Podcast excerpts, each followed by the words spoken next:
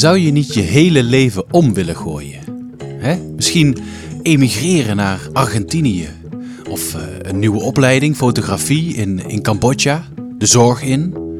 Ik vind jou ook wel iemand voor bij de brandweer. Of ja, misschien meer een, een architect met een gleufhoed. Ja, ik vind de trein dus de ultieme plek om even stil te staan. Te mijmeren, eh, dagdromen, contemplatie. Want het, eh, het jachtige bestaan, het raast maar door. Er is constant afleiding. Er zijn schermpjes, nieuws, werk, sociaal gebeuren. Maar toch is het ook wel erg prettig om eventjes pas op de plaats te doen. Een momentje voor jezelf te nemen. Want ja, hoe gaat het nu met je?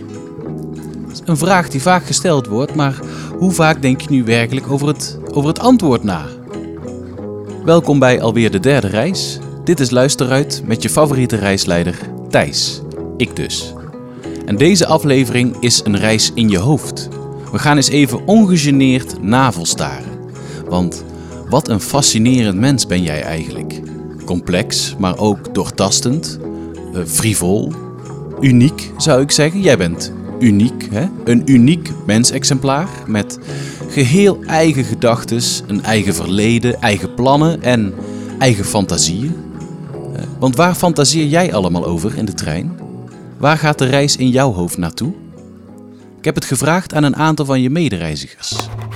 Als ik nu fantaseer over waar ik zou willen zijn, dan zou ik wel die koe willen zijn die daar in de wei staat. Lekker te grazen. Nou, ik zou wel in die nieuwe trein willen zitten. Want uh, ik heb gehoord dat hij stopcontact heeft en mijn telefoon is helemaal leeg. Ik zou heel graag willen dat deze treinstoel zou veranderen in een groot, zacht bed. Lijkt me echt heel chill als opeens iedereen hier om me heen in de trein uh, professioneel muzikant blijkt te zijn van één band. En dat ze spontaan uh, nummers beginnen te spelen. Ik zou wel uh, eerste klas willen reizen. Oh ja, Thailand of zo. Een tropisch paradijs. Achter een cocktail, half naakt, half in het water. Tussen de mooie vrouwen. Hmm, ja, dat zou echt uh, te gek zijn, ja. ja. Ja, ja. mooi. Maar om optimaal af te dwalen moet je eerst even ontspannen. Ina Heijnen is de expert. We gaan een paar simpele oefeningen doen, zodat je nog meer ontspannen je treinreis kunt vervolgen. Leg eerst je telefoon aan de kant. Daar kijk je al genoeg op. En plaats dan ook je voeten naast elkaar stevig op de grond. Beweeg dan een beetje over je billen, zodat je echt voelt dat je comfortabel in de stoel zit. Maak je rug dan recht. Ontspan je schouders. Ontspan je ellebogen en laat je handen losjes rusten op je bovenbenen. En ontspan dan ook je hele gezicht. Je voorhoofd, je wangen en vooral ook je kaak. Je kunt je ogen open houden, maar je kunt ze ook sluiten. En adem dan een keer rustig in en uit door je neus.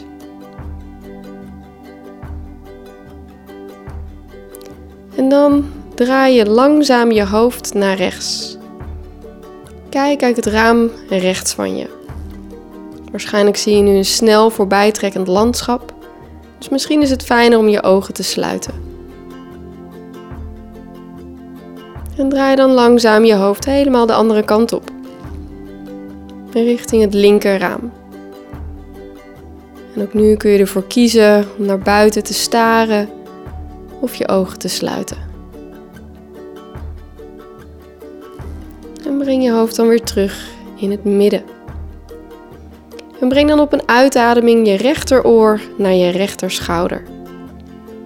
En adem dan naar de strekking die je voelt in de linkerkant van je nek. En dan op je inademing breng je rustig je hoofd weer terug. En op je uitademing breng je linkeroor naar je linkerschouder.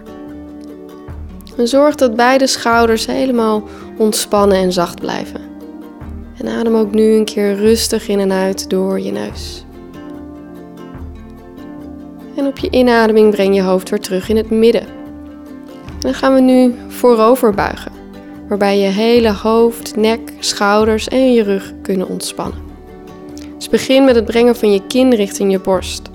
En rol dan af richting de vloer. En je kunt doen alsof je je veter strikt of iets uit je tas pakt. als je hele bovenlichaam maar kan ontspannen. En wanneer je ontspannen bent, adem dan een keer weer diep in en rustig uit. En op je volgende inademing kom je wervel voor wervel langzaam weer omhoog.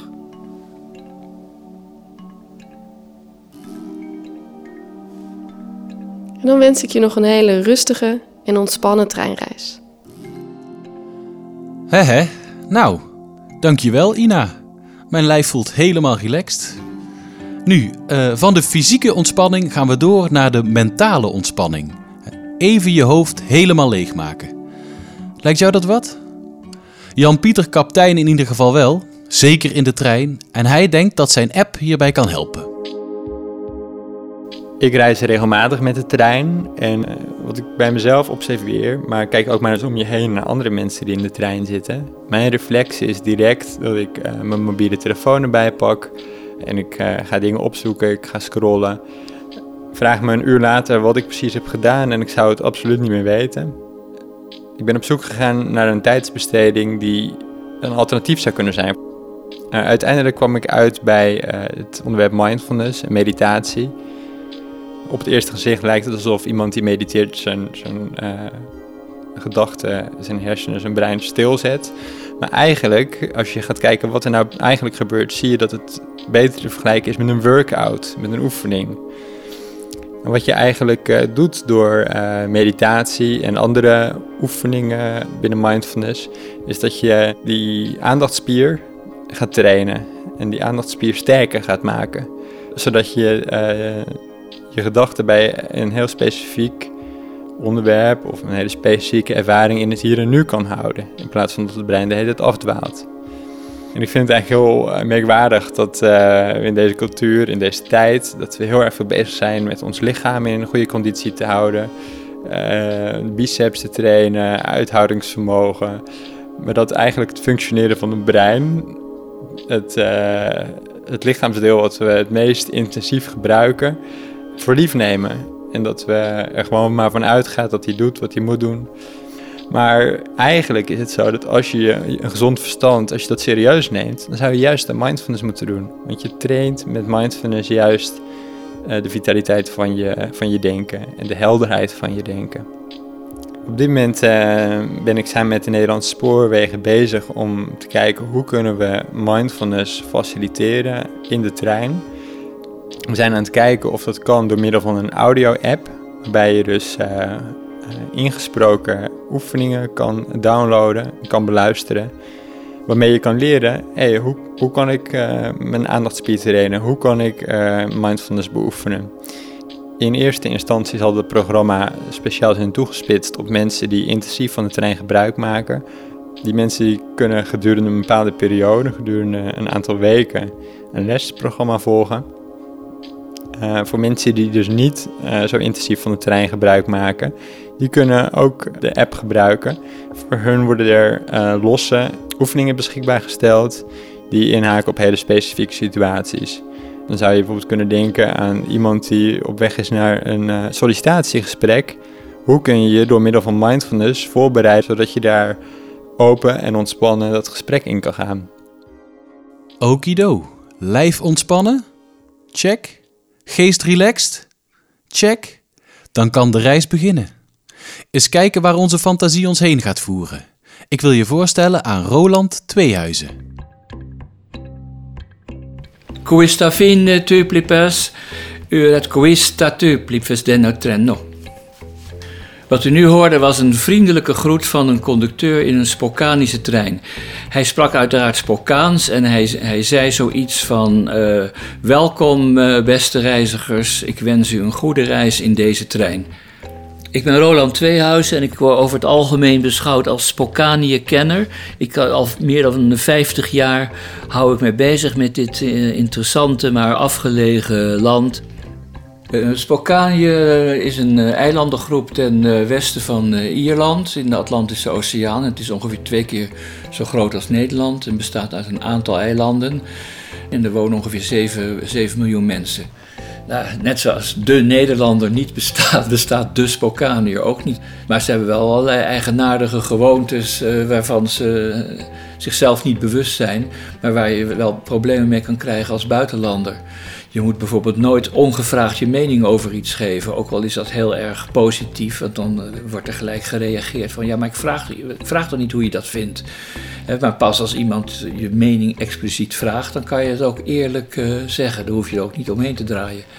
En een fooi geven is ook helemaal uit de boze. Een, in een restaurant zal, het personeel uh, zich ontzettend beledigd voelen als je ze een fooi geeft. Mijn ervaring is zelfs dat de ober achter je aan komt rennen de straat op om het, om het geld terug te geven. Schreeuwend en krijsend dat iedereen op straat het goed kan horen wat onbeschoft je geweest bent. Dat soort dingen, dat, dat kan je ook meemaken. Spokane is, eh, is, trouwens een land dat gek is op, uh, op tradities. En zo zijn er ook een hoop ja, tradities en gebruiken gebaseerd op, op het geloof. Een deel van het land is rooms-katholiek. Maar de rest van het eiland is meer, heeft meer nog een natuurgodsdienst. Dat impliceert onder andere dat het bijvoorbeeld heel erg pijnlijk is of zelfs uh, beledigend om bijvoorbeeld iemand een bos bloemen aan te bieden. Dat is alsof je iemand een, een dood of creperend uh, beest, bij wijze van spreken, cadeau zou doen. Ik zou nog willen aanraden voor buitenlanders die naar Spokane gaan om wel een paar woorden Spokaans te leren. Want niet iedereen spreekt daar ook Engels. En de mensen voelen zich ook wel heel vereerd als je wat kan zeggen in hun eigen taal. Om maar wat te noemen, als je iemand ontmoet, dan, dan kan je dus zeggen hato. Hato betekent gewoon van hallo, goeiedag. Dat is als je elkaar ziet. En als je afscheid neemt en je wilt tot ziens zeggen, dan zeg je Karin. Maar je kan ook wat formeler Mipef Kanaza zeggen. Dat is eigenlijk een hele rare uitdrukking, want dat betekent letterlijk uit de marmergroeven. En dat is ja, eigenlijk een, uh, een soort wens van, uh, van mijnwerkers vroeger. Je hebt, heel, je hebt allerlei steen- en marmergroeven. En dan werd er eigenlijk gewenst dat je dus daar weer levend uitkwam. Want het was gevaarlijk werk om in die, in die groeven te werken. Maar dat is dus een algemene, algemene wens geworden. Spokanië. Een prachtig land met een spannende naam. En volledig uit de duim gezogen. Dromen van een bestemming en ergens naartoe leven is ook reizen in je hoofd. Jaap wilde al van kinds af aan een bijzondere treinreis maken door Japan. Zo fantaseerde hij over het schijnbaar schitterende uitzicht op Mount Fuji. Ik wilde gewoon, ik wilde gewoon super graag naar Japan. Ik wilde, echt, ik wilde echt al heel mijn leven naar Japan. Toen ik klaar was met studeren, toen was eigenlijk het eerste wat ik gewoon wilde doen. En gewoon de eerste kans die ik had, ben ik daar naartoe gegaan in mijn eentje. Ik wilde heel graag de, de treinreis doen van, van Tokio naar Osaka langs Mount Fuji.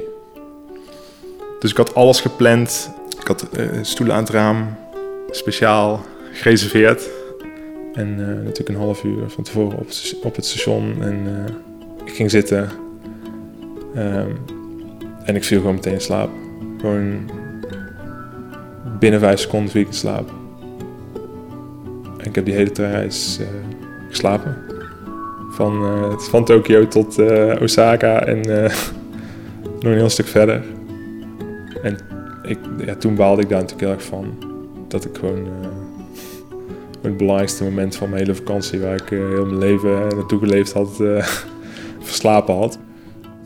Ja, dat is toch wel lullig, ja. Kon hij het nog maar eens overdoen, hè? Nou Jaap, dat kan. Tim Post heeft een manier om dromen zo te sturen dat ze bijna werkelijkheid worden. Uh, lucide dromen uh, zijn dromen waarin je weet dat je aan het dromen bent, zonder dat je daarvan ontwaakt. Uh, je kunt ze ook wel bewuste dromen noemen. Um, en, en, die hebben mensen spontanerwijs, natuurlijkerwijs in de slaap. Vaak tijdens de kinderjaren hebben we heel veel van dat soort lucide dromen. Uh, en het bijzondere van zo'n droombewuste droom um, is dat je de droomregie kan uh, heroveren. dus je kan in die droom dan bepalen waarover je wil gaan dromen. Je kan dan leren vliegen in je dromen. Je kan luchtkastelen bouwen in je dromen. Je kan de liefde bedrijven. Je kan alles doen wat je maar kan verzinnen, want dat is jouw fantasie. En, en, wat heel weinig mensen beseffen is dat die in de droomslaap, uh, tijdens de slaap dus, dat die eh, dromen super echt zijn. Ze zijn echt heel levendig. Dus het is niet alsof je kijkt naar een aantal droombeelden die langs zweven, maar dromen zijn elke nacht bijna net zo echt als de werkelijkheid. Echt bijna niet te onderscheiden. Dus we kunnen in onze dromen niet alleen maar kijken, maar ook dingen voelen. We kunnen dingen ruiken, we kunnen zelfs dingen proeven in onze dromen. En het, het bijzondere is dat de kleur van onze dromen, of ze positief zijn of dat ze negatief zijn, ook ons gedrag bepalen. Dus mensen die eh, bijvoorbeeld alleen maar faaldromen hebben, die gedragen zich ook heel angstig overdag.